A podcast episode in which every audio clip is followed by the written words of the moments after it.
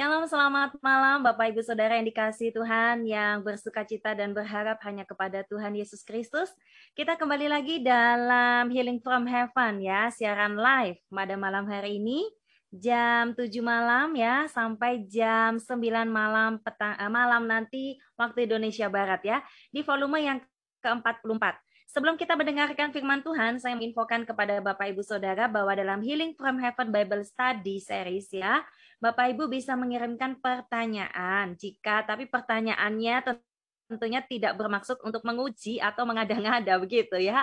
Tetapi pertanyaan yang memang uh, ada di dalam hati kita yang berkaitan mungkin dengan masalah kita, dengan uh, pengajaran dan lain sebagainya, pergumulan ya, boleh disampaikan sehingga jawabannya boleh mengubahkan kita, boleh membuat kita pulih, boleh memberikan jawaban dari permasalahan kita. Nah, itu pertanyaan yang baik ya, yang tentunya akan dijawab juga pada malam hari ini.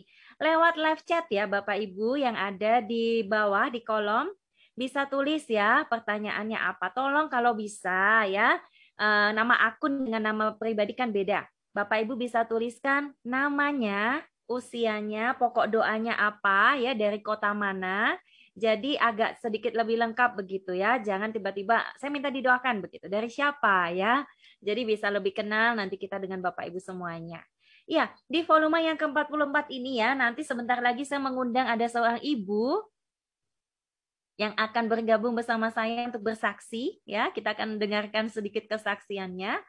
Tapi juga sebelumnya kemarin ya, dua hari lalu ya, di Healing from Heaven di volume yang ke-43 ya, 43 ada kesaksian yang luar biasa ya yang menghebohkan. yang cukup unik ya, yaitu seorang kakak yang ah, mungkin tinggalnya cukup di pedalaman ya, uh, namanya Kak Uli dan Kak Uli ini mengalami patah tulang di bagian kanan dan dia berkata tangan kanannya tuh eh tangan kiri mohon maaf, tangan kirinya tuh sangat perih, sangat sakit begitu ya. Dan ternyata ketika didoakan ya Pastor Daniel bilang suka mengangkat tangan, begitu kan ya. Ternyata, ya, dia ternyata ini ya, jatuh begitu ya katanya ya. Jatuh dari pohon. Wah ya, ini kalau saya di perkotaan tidak bisa nyampe gitu gimana naik pohon gitu ya. Tapi orang-orang mungkin yang di pedalaman yang ada di daerah-daerah ya itu sangat mahir sekali ya, luar biasa sekali. Dan ternyata jatuh ya karena dia mau angkat tangan mau berdoa begitu ya dia spontan begitu. Dan dia jatuh eh dan ternyata Tuhan bekerja ya. Wow ini luar biasa iman dan ketaatannya luar biasa ya. Tapi Tuhan bekerja loh dan tangannya yang patah itu sembuh ya. Itu menjadi normal kembali wow ya saya tidak tahu patahnya seperti apa tetapi dia bilang itu sangat perih ya sangat sakit luar biasa Tuhan Yesus Kristus ya Bapak Ibu yang ingin mengirimkan pokok doa silahkan juga mengirimkannya di live chat. Kita akan ada waktu nanti kita akan bahas, kita akan doa juga. Ada juga yang mengirimkan pokok doa ya. Uh, seluruh badannya kena penyakit kulit begitu ya. Dan ketika didoakan beberapa kali, dua kali ya pada waktu itu ya di Healing from Heaven entah volume keberapa. Nah itu ternyata luar biasa kami diberikan fotonya ya, kami masih tetap mendoakan dan menunggu sampai pemulihannya lebih baik lagi ya. Ditengking kuasa kegelapan dan yang awalnya lukanya mengeluarkan cairan terus menerus wah menderita sekali ya tentunya itu sangat sakit dan uh, malu begitu ya. Tapi puji Tuhan sudah mengering ya, puji Tuhan dan kita terus doakannya Bapak Ibu ya supaya Tuhan nyatakan pemulihan kuasanya kepada setiap kita semuanya. Dan tentu saja kita tidak hanya cari mujizat ya, tapi kita mau cari Tuhan Yesus. Kita cari kebenarannya. Karena kalau kita ketemu dengan kebenarannya, kita mendapatkan juru selamat, kita mendapatkan kebenaran, maka semuanya akan ditambahkan kepada kita ya di Matius ya. Jadi katakan amin ya di rumah masing-masing ya. Jadi kita tidak mencari yang namanya pendeta, kita nggak cari yang namanya hamba Tuhan, kita nggak cari namanya kesembuhan saja ya. Tapi memang hamba Tuhan dan kesembuhan adalah salah satu cara Tuhan ya uh, wakil Tuhan ya hamba Tuhan adalah wakil Tuhan menyampaikan isi hati Tuhan. Oleh karena itu cari kebenaran yang disampaikan oleh hamba Tuhan itu ya. Dengarkan sungguh-sungguh. Malam hari ini saya mengundang Ibu Erin apakah sudah siap? Boleh. Kalau sudah siap tolong ya. Jadi saya bisa men-spotlight ya. Baik. Shalom, selamat malam Ibu. Halo, selamat malam. Iya, namanya Ibu Erlin Maria. Ya. Erlin Maria. Iya. Ibu Erlin tinggal di mana ini? Saya di Sidoarjo. Wah, deket-deket saya ya, masih deket nih tetangga. Boleh cerita sedikit Ibu Erlin ya? Uh, apa yang ingin disaksikan? Kronologisnya seperti apa? Masalahnya apa itu Ibu Erlin? Sakit ya. apa? Ya, terima kasih. Shalom semuanya. Malam ini saya sangat bersuka cita, sangat bersyukur. Uh, saya mendapat kesempatan untuk uh, menyaksikan kasih Tuhan yang luar biasa yang saya alami. Ya. Uh, saya awali dulu uh, tiga tahun yang lalu, tahun ya. 2018 hmm. itu bulan Oktober operasi uh, saya harus Sakit. operasi untuk mata kiri. Mata kiri. Karena katarak. Oh, katarak. Ya, baik. Ya. Nah, setelah itu tiga bulan kemudian, bulan Desembernya, eh, mata kanan saya juga harus dioperasi. Hmm. Nah, jadi pada tahun 2018 itu mata kiri kanan saya dioperasi karena katarak. Oh. Nah, setelah itu saya tetap harus pakai kacamata, tapi karena apa positif ya, karena faktor hmm. usia. Usia. Ya. Nah, eh, setelah itu, nah ini ceritanya mulai di awal September lalu ya. bulan lalu ya. Mm-hmm. Awal September lalu ketika pagi-pagi bangun tidur begitu uh, saya kita buka HP begitu kok mata saya ini jadi kabur begitu. Hmm. Kabur. Ya. Tapi saya paksa masih paksa begitu masih bisa. Nah, besoknya beberapa hari kemudian tambah lama tambah kabur. Nah, ketika itu saya pikir, oh mungkin saya sekarang jadi minus gitu ya. Minus, ya. Maka saya uh, harus ganti kacamata. Saya ke optik. Saya ke optik, ternyata tidak ada ukurannya. Oh. Di apa itu di coba iya, iya. semua begitu tidak Dicoba ada ukurannya. Semua. Hmm. Nah, berapa hari kemudian saya coba ke optik lain yang katanya alatnya lebih canggih gitu ya. Iya. Optik yang lebih besar. Tetap sama hmm. tidak ada yang cocok gitu. Iya. Nah, malah uh, apa petugasnya begitu ya yang di optik itu mengatakan ibu mungkin syaraf matanya ini hati-hati loh glaukoma. Ya saya jadi kaget gitu ya karena uh, saya juga mengatakan kalau saya sudah operasi katarak gitu. Nah, ya ketika itu ya ada teman yang mengatakan coba cek gula darah karena eh, katanya kalau gula darahnya tinggi itu bisa juga menyebabkan kabur. Oh, baik-baik. Iya, hmm, saya cek di lab di lab ya. gitu untuk gula darah. Ternyata normal. Normal. Di bawah 100 gitu. Ya. Jadi saya tambah bingung, ini bukan gula darah, masa kalau saya harus ke dokter, nanti kalau dikatakan opera, uh, katarak, masuk saya harus operasi lagi. Operasi lagi. Jadi saya tidak mau ke dokter gitu. Nah, saya berdoa dan setiap kali saya ikut HFH begitu ya, uh, didoakan. Nah, saya juga ingin seperti yang apa namanya orang-orang lain gitu orang ya, lain. dan didoakan. Wah, ada yang tiba-tiba ya spektakuler gitu ada yang minus tiba-tiba sembuh tuh langsung ya. Aduh. Yang kesaksian apa tangan uh, langsung matanya. Saya bilang ke Tuhan, saya juga mau seperti itu. Iya, saya juga mau. nah, benar saya masih ingat Bu Evi juga mengatakan ya, Evi juga minus tapi ya tetap minus. Tetap begitu. minus. Uh. Nah, saya katakan, saya juga ingin mengalami mujizat mujizat seperti itu. Nah, tetapi saya ingat ya, Pastor Daniel mengatakan bahwa kita tidak bisa memaksa cara Tuhan memaksa ya. Tuhan. Ya. Kita, ya. kita harus menghargai kedaulatan Tuhan, ya kita tetap berserah sama Tuhan. Oke Tuhan, saya berserah. Saya yakin Tuhan berikan yang terbaik. Tetapi tetap dalam hati kecil saya setiap kali ini saya tetap Tuhan saya kepingin mujizat begitu ya. Iya, ya, betul betul. Enggak ini ya. Nah, kemudian uh, di volume berikutnya saya lupa, tapi memang sering Pastor Daniel kan suka mengatakan, Mbak itu juga mengatakan ya, perlulah ke dokter itu supaya kita tahu sakitnya apa penyebabnya. Nah, satu kali ketika Pastor Daniel mengatakan seperti itu, walaupun itu enggak ke saya, tapi saya seolah-olah kok ngomongnya ke saya begitu ya. Akhirnya saya ini saya ke dokter gitu. Tanggal 29 September. Ya, tanggal 29 September akhirnya saya ke dokter rumah sakit Nah, ketika dicek itu apa kan ada huruf-huruf ya. Ya betul. Hmm. Ya huruf yang terbesar itu pun saya tidak bisa membaca. Hmm. Gitu. Ya memang apa kalau di HP itu ukuran font itu sudah yang paling besar paling pun gede. juga tetap Waduh. tidak Kabur banget berarti itu ya. Iya.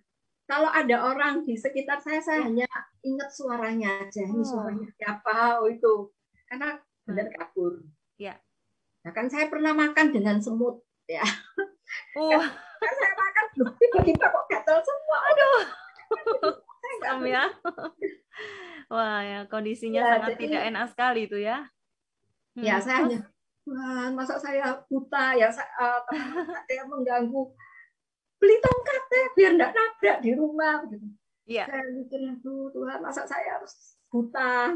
Gitu. Iya, iya, iya. Sampai seperti itu. Nah, ketika di uh, dokter di rumah sakit, uh-uh. Nah dicek karena enggak, tidak bisa membaca sama sekali, kemudian dicek untuk kataraknya nggak masalah. Oh. Nah, jadi menurut dokter, ya ini kemungkinan gangguan syaraf gitu. Gangguan syaraf. Gangguan syaraf. Saya rasanya lemes gitu ya. Hmm. Nah, kemudian ketika dicek untuk dicek sarafnya, hmm tidak bisa terlihat oh. karena tertutup. Hmm. Begitu. Jadi dokter mengatakan saya harus laser dulu. Di laser, nah akhirnya tanggal 12 Oktober kemarin hari Selasa. Iya, barusan. Nah, saya tanya ke dokter, apakah dengan laser itu terus kemudian mata saya bisa ya enggak, ini di laser ini nanti dilihat kalau memang sudah bisa lihat ya berarti uh, enggak masalah syarafnya tetapi hmm. kalau tidak uh, masih tetap kabur, berarti ini ada gangguan di syaraf mata. Gitu. Jadi sempat di laser Ibu Erlin belum? Hari Selasa kemarin. Akhirnya sudah sudah sempat di laser. Laser, iya. Hmm. Itu. Tetapi dokter tidak menjamin bahwa bisa lihat uh, kaburnya hilang. Hmm. Uh, karena setelah itu nanti kalau misalkan masih kabur berarti ada syaraf syarafnya yang terganggu gitu. Nah setelah di pasar kemudian ketika saya pulang di jalan saya telepon anak saya. Ini mama masih di jalan. Mama apa lambat tidak bisa ikut HFH kamu tolong chat uh, minta apa dukungan doa begitu. Hmm. untuk mata mama saya bilang seperti itu. Nah sampai rumah memang terlambat saya ikut HFH. Nah, saya sempat didoakan, tapi ketika didoakan saya mengatakan terima kasih Tuhan, saya sudah sembuh. Saya Imannya berkata ya, terus terus. Iya, tidak tahu, saya terima kasih begitu. Dan saya gak, itu saya nggak bisa lihat karena oh. uh, ketika hmm. pulang tuh slow banget dan hmm. kabur. Oh, iya. Masih iya. kabur. Iya, iya. Dan ketika saya ikuti HFH, Eh, saya tidak bisa lihat layarnya gitu. Jadi saya hanya dengar. Dengar, betul. Gitu. Nah, dan terus kemarin bangun tidur. Uh-uh. Kemarin bangun tidur saya, saya seperti mimpi saya lihat tuh. Seperti mimpi. Terang dan saya kok bisa lihat kalender gitu ya, padahal kalender di. Jadi sekarang bisa lihat saya dong ya. Kemarin-kemarin saya cuma bisa lihat dua orang tetapi ya iya hanya bayang gitu ya, ya. Mm -hmm. Ya, Pastor Dania, Bu Evi tertawa atau marah atau apa saya tidak lihat. itu luar biasa. Nah, ketika bangun pagi saya saya kok bisa baca kalendernya saya bilang begitu. Bisa baca kalender. Eh, saya baca semua apa yang ada di kamar iya, saya. Iya, iya. Saya, saya baca semua seperti orang baru bisa baca gitu. Terima kasih Tuhan begitu. Ya, ternyata mata saya sudah bisa lihat begitu. Sudah. Dan pagi ini sampai sekarang baik-baik saja Ibu Erlin? Baik-baik saja. Puji Tuhan ya. Saya bisa uh, chat ke BFI. Ya, betul. Sepanjang itu dengan fontnya sudah tidak ukuran yang paling besar. Begitu. Iya, iya. Ya, sekarang di Zoom saya sudah bisa melihat. Ini luar biasa ya. Wajahnya. Iya. Tuhan Yesus. Saya bersyukur, saya terima kasih Tuhan, Tuhan yang luar biasa, Tuhan yang mengasihi saya. Saya nggak kebayang kalau saya buta gitu ya.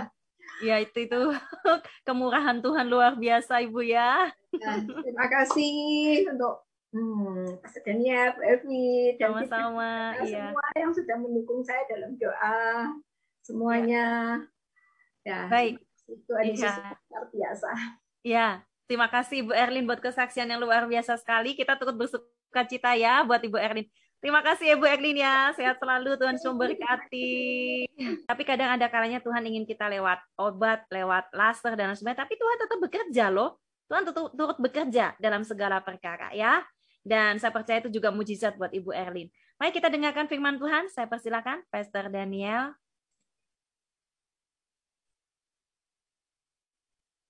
Shalom, selamat malam Bapak Ibu yang dikasih Tuhan. Mari kita berdoa bersama-sama.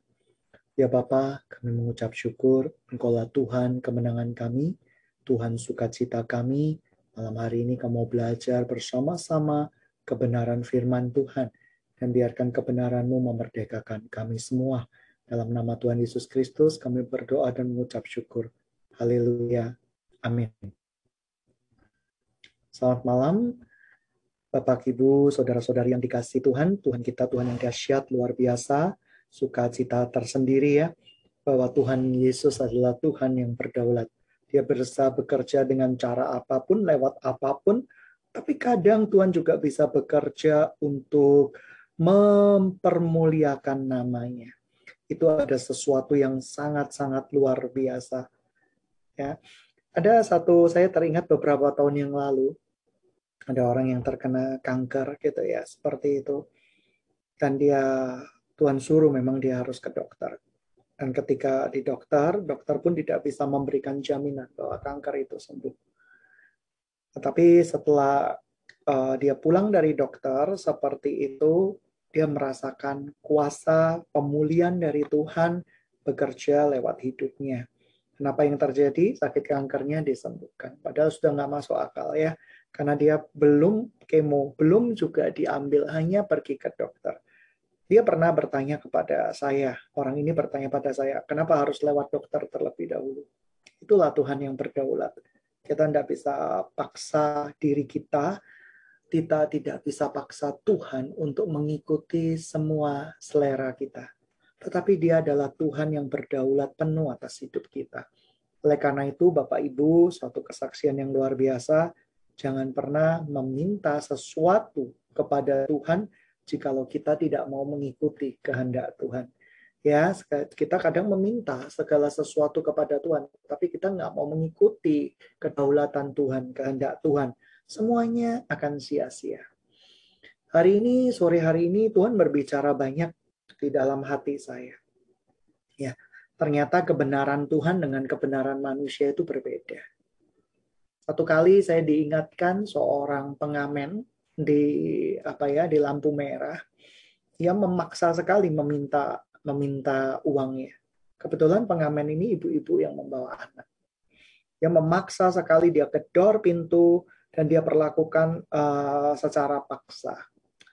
Tentu saja tidak nyaman ketika saya merasakan itu, saya tidak nyaman. Saya kepingin juga jengkel. Kenapa sih? Uh, kalau meminta uang harus dengan cara seperti itu.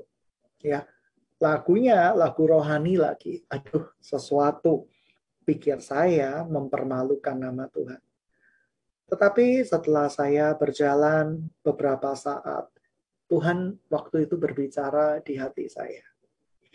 Bahwa ternyata yang dia ibu ini lakukan karena untuk memperjuangkan kebutuhan hidup anak-anaknya. Memperjuangkan uh, apa agar keluarganya bisa makan. Jadi Tuhan berkenan kepada ibu ini dan saya heran sekali.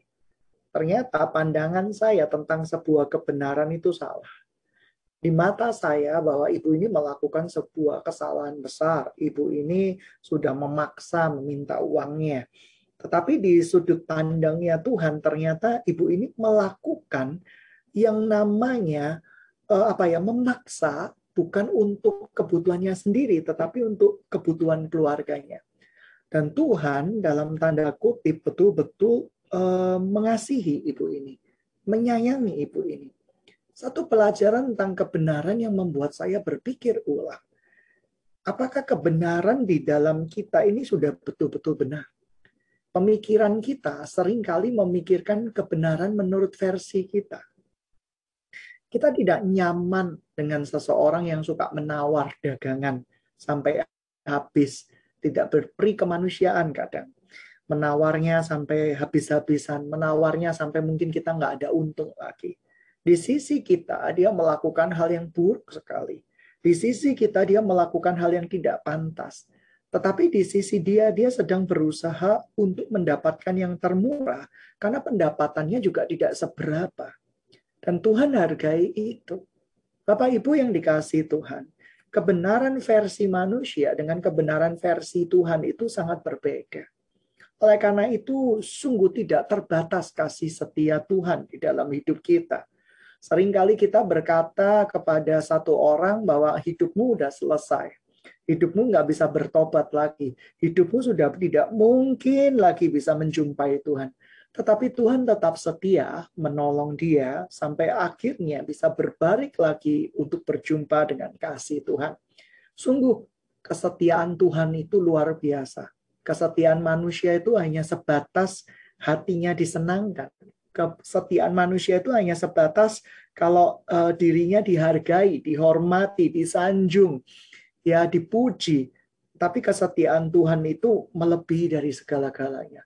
Walau sering kali kita meninggalkan Tuhan, walau sering kali kita melupakan Tuhan Yesus, tapi Dia Tuhan yang setia, Tuhan yang tidak pernah melupakan perbuatan tangannya. Ketika kita berjanji di hadapan Tuhan untuk memikul salib, mengikut Tuhan dengan segenap hati, segenap jiwa, segenap kekuatan, segenap akal budi. Tetapi kita di tengah jalan berubah tidak setia.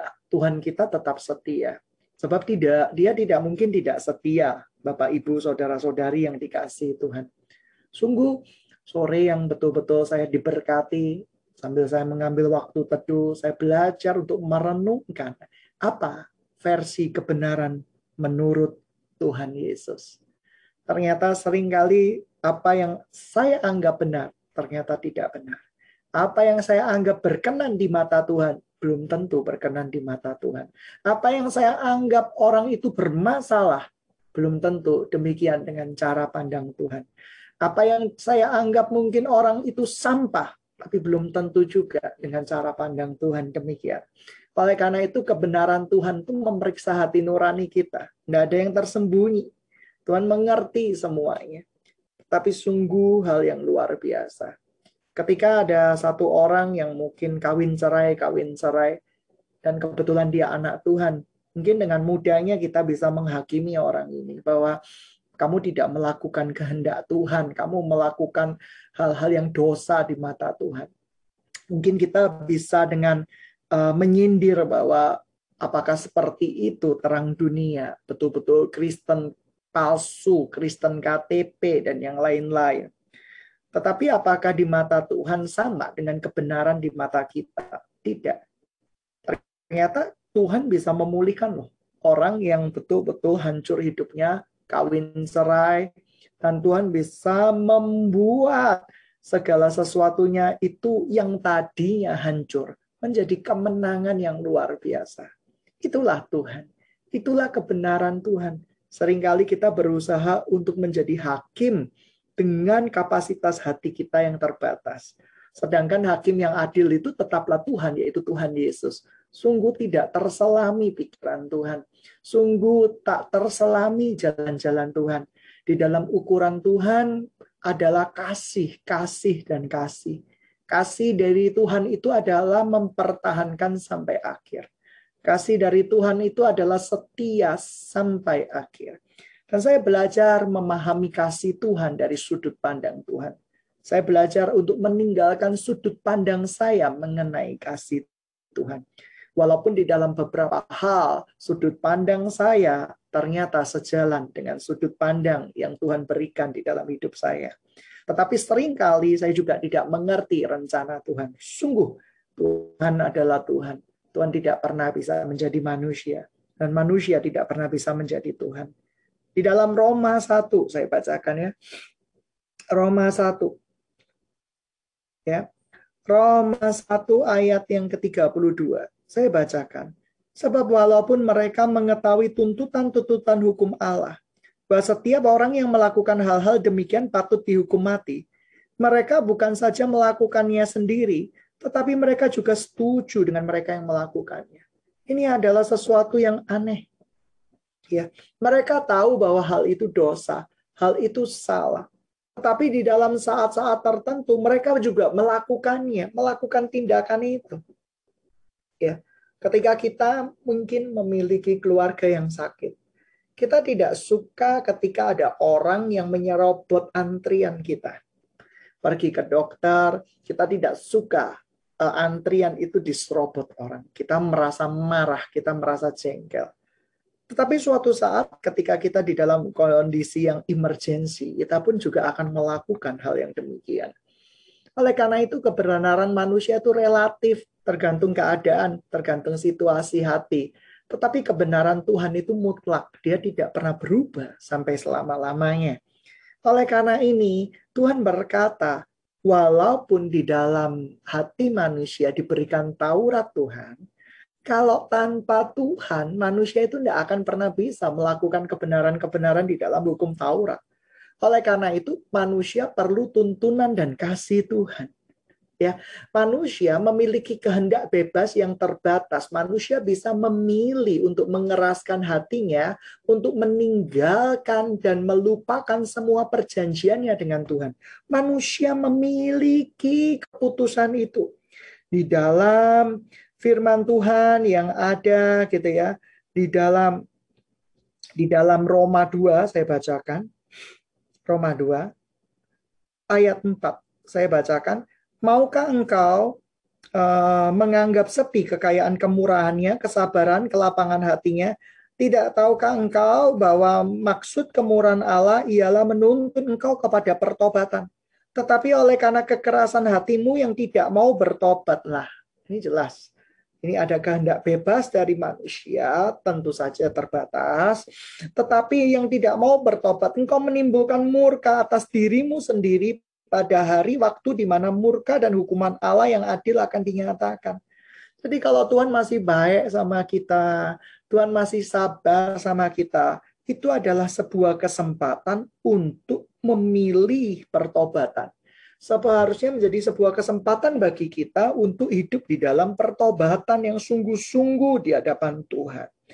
Oleh karena itu, Bapak, Ibu, Saudara-saudari yang dikasih Tuhan, kita tahu sekarang bahwa tanpa Tuhan sia-sia saja perbuatan baik kita. Tanpa Tuhan sia-sia kebenaran di mata kita. Tanpa hukum Tuhan yaitu kasih semuanya adalah sia-sia. Kristus tidak datang untuk menghancurkan hukum Taurat. Kristus datang untuk menggenapi hukum Taurat. Karena Kristus adalah sang hukum Taurat itu sendiri. Oleh karena itu Bapak Ibu yang dikasih kasih Tuhan, sungguh ketika kita mengenal dan menerima Kristus, sesungguhnya kita sudah menerima hukum Taurat itu. Dan kita sudah menggenapi hukum Taurat itu. Karena tanpa Kristus kita tidak mungkin bisa melakukan seluruh kebenaran hukum Taurat itu. Oleh karena itu pada malam hari ini, saya mengajak Bapak, Ibu, dan saudara-saudari yang dikasih Tuhan untuk merenung bersama-sama. Sudahkah Anda mengandalkan kebenaran-kebenaran Tuhan di dalam seluruh perjalanan hidupmu? Atau menganggap kebenaran yang kamu anggap benar di dalam pikiranmu adalah kebenaran yang mutlak? Engkau berpikir, apakah Tuhan disenangkan dengan pekerjaan? Apakah Tuhan disenangkan dengan tindakanmu? Apakah Tuhan disenangkan dengan pilihan-pilihan? Jikalau itu adalah kebenaran menurut pemikiranmu sendiri, tanpa kebenaran menurut Tuhan, jangan-jangan kamu sedang melakukan sebuah kebodohan hari-hari ini. Jangan-jangan engkau akan melakukan sebuah keputusan-keputusan yang bodoh hari-hari ke depan. Ada orang yang menyangka bahwa dirinya adalah seorang misionaris. Oleh karena itu dia mengutus dirinya sendiri ke sebuah tempat-tempat terpencil Tetapi sebenarnya Tuhan tidak mengutus dia ke sana. Dia mengutus karena dia merasa itu adalah kebenaran. Tapi tidak bertanya kepada Tuhan menurut Tuhan kebenaran itu seperti apa bagi dirinya. Tetapi dia sengaja mengutus dirinya sendiri. Dan akibatnya apa? Akibatnya kehancuran demi kehancuran akan terjadi di dalam hidupnya. Kehancuran itu bukan berarti segala sesuatu yang uh, apa ya langsung ekstrim tidak. Kehancuran itu berawal dari terpisahnya ya hubungan dia dengan Tuhan. Dia sudah tidak lagi bersama-sama dengan Tuhan. Walaupun dia melayani, sebenarnya Tuhan sudah jauh meninggalkan dia. Kenapa? Karena tidak ada kebenaran Tuhan di dalam hidupnya. Dia tidak memilih untuk mendapatkan kebenaran Tuhan di dalam hidupnya. Suatu saat saya pernah di awal-awal pelayanan mencoba menolong Tuhan, yaitu dengan cara mencari uang untuk pelayanan. Saya bekerja sampai malam, semua uang yang saya dapat saya gunakan untuk pelayanan. Tetapi itu yang menjadi pokok permasalahan. Saya mencoba mencari kebenaran menurut versi saya. Di dalam pikiran saya, menolong Tuhan ini pasti. Yaitu dengan saya bekerja dari pagi, siang, malam, sampai pagi, siang, malam, sampai dan uangnya digunakan untuk misi. Bukankah itu sesuatu yang mulia? Tetapi kebenaran menurut pikiran saya, bukan kebenaran menurut pikiran Tuhan. Pada waktu saya saat teduh, Tuhan menegur saya. Tuhan hanya menghendaki yaitu saya pribadi, yaitu bersekutu dengan Tuhan dan mengizinkan Tuhan bekerja sesuai dengan caranya. Nah, ketika kita tidak ada waktu untuk sama sekali untuk bersaat teduh, tidak ada waktu sama sekali untuk mendengarkan suara Tuhan, sering kali kebenaran-kebenaran itu menjadi kebenaran di pikiran kita. Kita terlalu sibuk melayani. Kita terlalu sibuk ngajarin orang lain. Kita terlalu sibuk menasehati orang lain. Tapi kita lupa melubuangkan sebuah momen-momen dan waktu-waktu berharga di dalam kehidupan kita untuk kita persembahkan sama Tuhan. Bapak, Ibu, saudara-saudari yang dikasih Tuhan, apakah hari ini Anda memberikan waktu yang terbaik buat Tuhan? Satu jam, dua jam, kita persembahkan yang terbaik sama Tuhan. Tuhan maksudmu apa Tuhan? Kerinduanmu apa? Seringkali kita tidak mau mendengar kerinduan Tuhan. Kita berusaha untuk menolong pekerjaan Tuhan dengan cara-cara dan pemikiran kita. Akibatnya apa?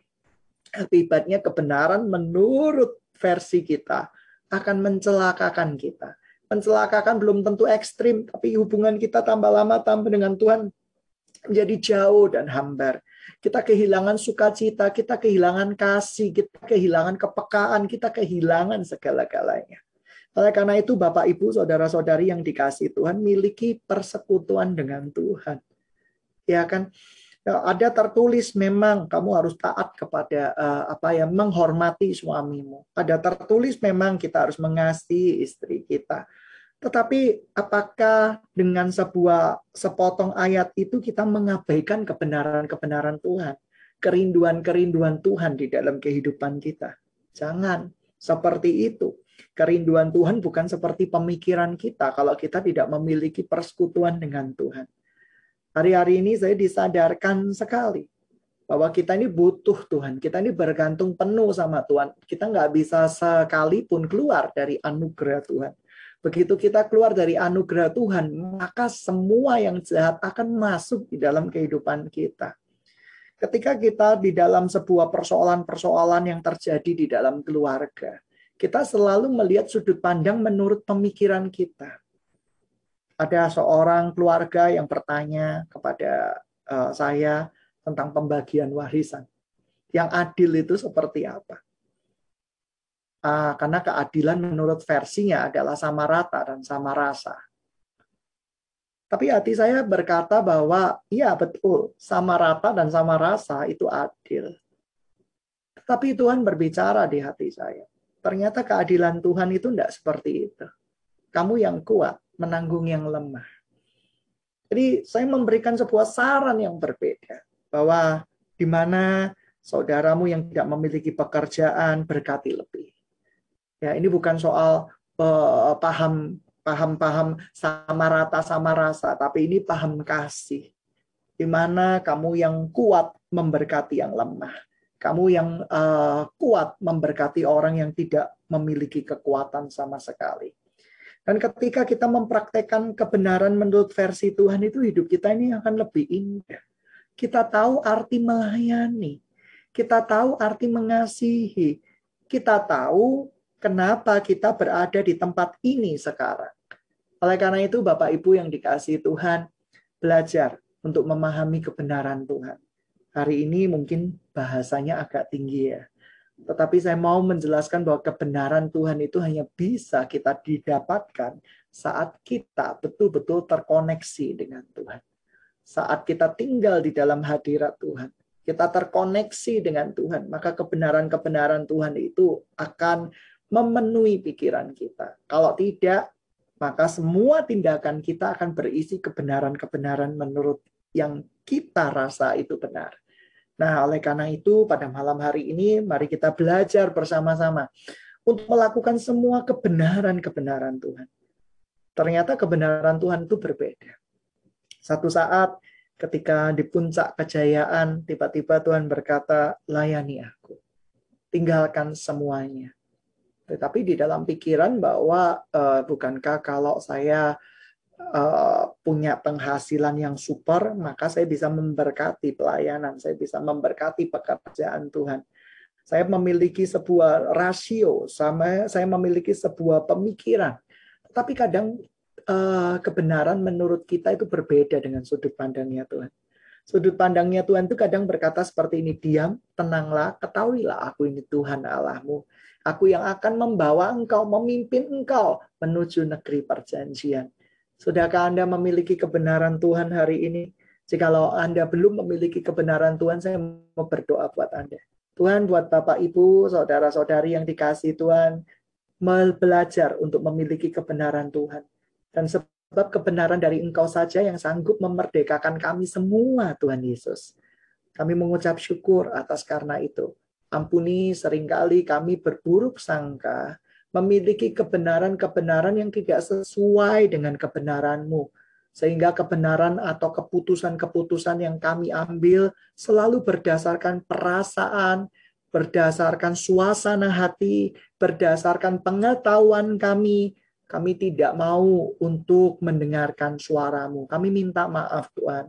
Mulai hari ini kami mau belajar mendengar kebenaran yang berasal dari Engkau. Sebab hanya dari Engkau sajalah sumber kebebasan itu, sumber kemerdekaan itu. Terima kasih Tuhan.